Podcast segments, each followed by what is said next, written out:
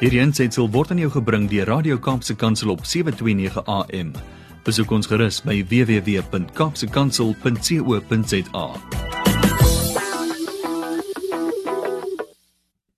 Ek het 'n luisteraarsvraag ontvang van iemand wat wil weet meer oor die verskillende definisies wat gebruik word in die wêreld van mense met gestremthede.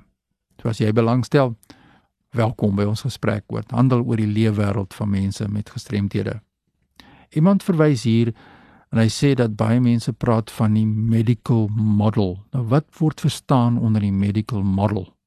As 'n mens kyk na gestremdheid. Nou ek gaan lees hier uit die Witskrif soos wat dit voorkom wat staan dat die medical model is 'n denkrigting.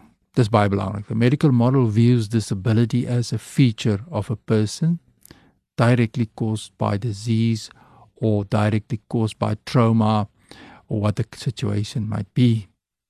And it can be other health condition as well, which requires medical care provided in the form of individual treatment by professionals. This model calls for the medical or other treatment to fix the problem with the individual and the individual's other ordinary needs are not taken into account.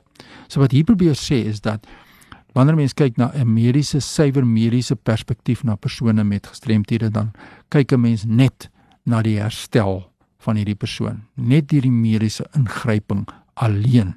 En dan kyk 'n mens nie noodwendig na die ander behoeftes van 'n persoon nie. Nou hier gaan verder dit is 'n healthcare professionals are the agents of change for the individual, the ones who will solve the problem of disability. Disability is seen as the extremely negative effect, and the person is left with no say in their own life. This becoming completely disempowered. So wanneer mense sê as die persoon dan sê net die mediese persoon is die persoon wat die agent hier die agent of change is. Dan begin mense sê dat dit die mediese model is. En gestremdheid word dan nie gesien as iets positief nie. Gestremdheid word iets gesien as dit moet gefiks word as ek die Engelse woorde hier mag gebruik. So dit is die mediese model. Nou as jy mens kyk na wat die wetskrif op die regte van persone met gestremthede sê oor die sosiale model wanneer mens kyk na gestremdheid disability rights movements during the 1980s caused a shift to happen away from the individual's impairment towards social exclusion. And this model recognized that disability stems from the inability of society to adapt or to include a diverse range of people, including persons with impairments. In ander woorde, vroeër jare hier in die laat 1980s het daar 'n beweging ontstaan en gesê kom ons kyk nie net na die mediese aspekte wat hierdie persoon dan geraak word nie, maar kom ons kyk 'n bietjie na ook na die spesie die spesiale sosiale aksies wat geneem moet word. Nou staan hier verder while there may be or still be the requirement for medical treatment or intervention this model the social model places the emphasis on society as the disabling factor with the individual taking the lead and playing an active role in the decision making in all aspects of his of her life. Everyday activities, sê hulle dan hier, are take center stage and the barriers placed in society. They may be attitudinal, communicational, physical or information barriers which exclude the person with disabilities from participating equally or are the true disabling factors are then focused on as well. Nou ja, daar het ons dit nou. Dit is nou 'n mondvol om hierdie vraag te beantwoord. Die sosiale model is dan kom ons kyk na die persoon eerste.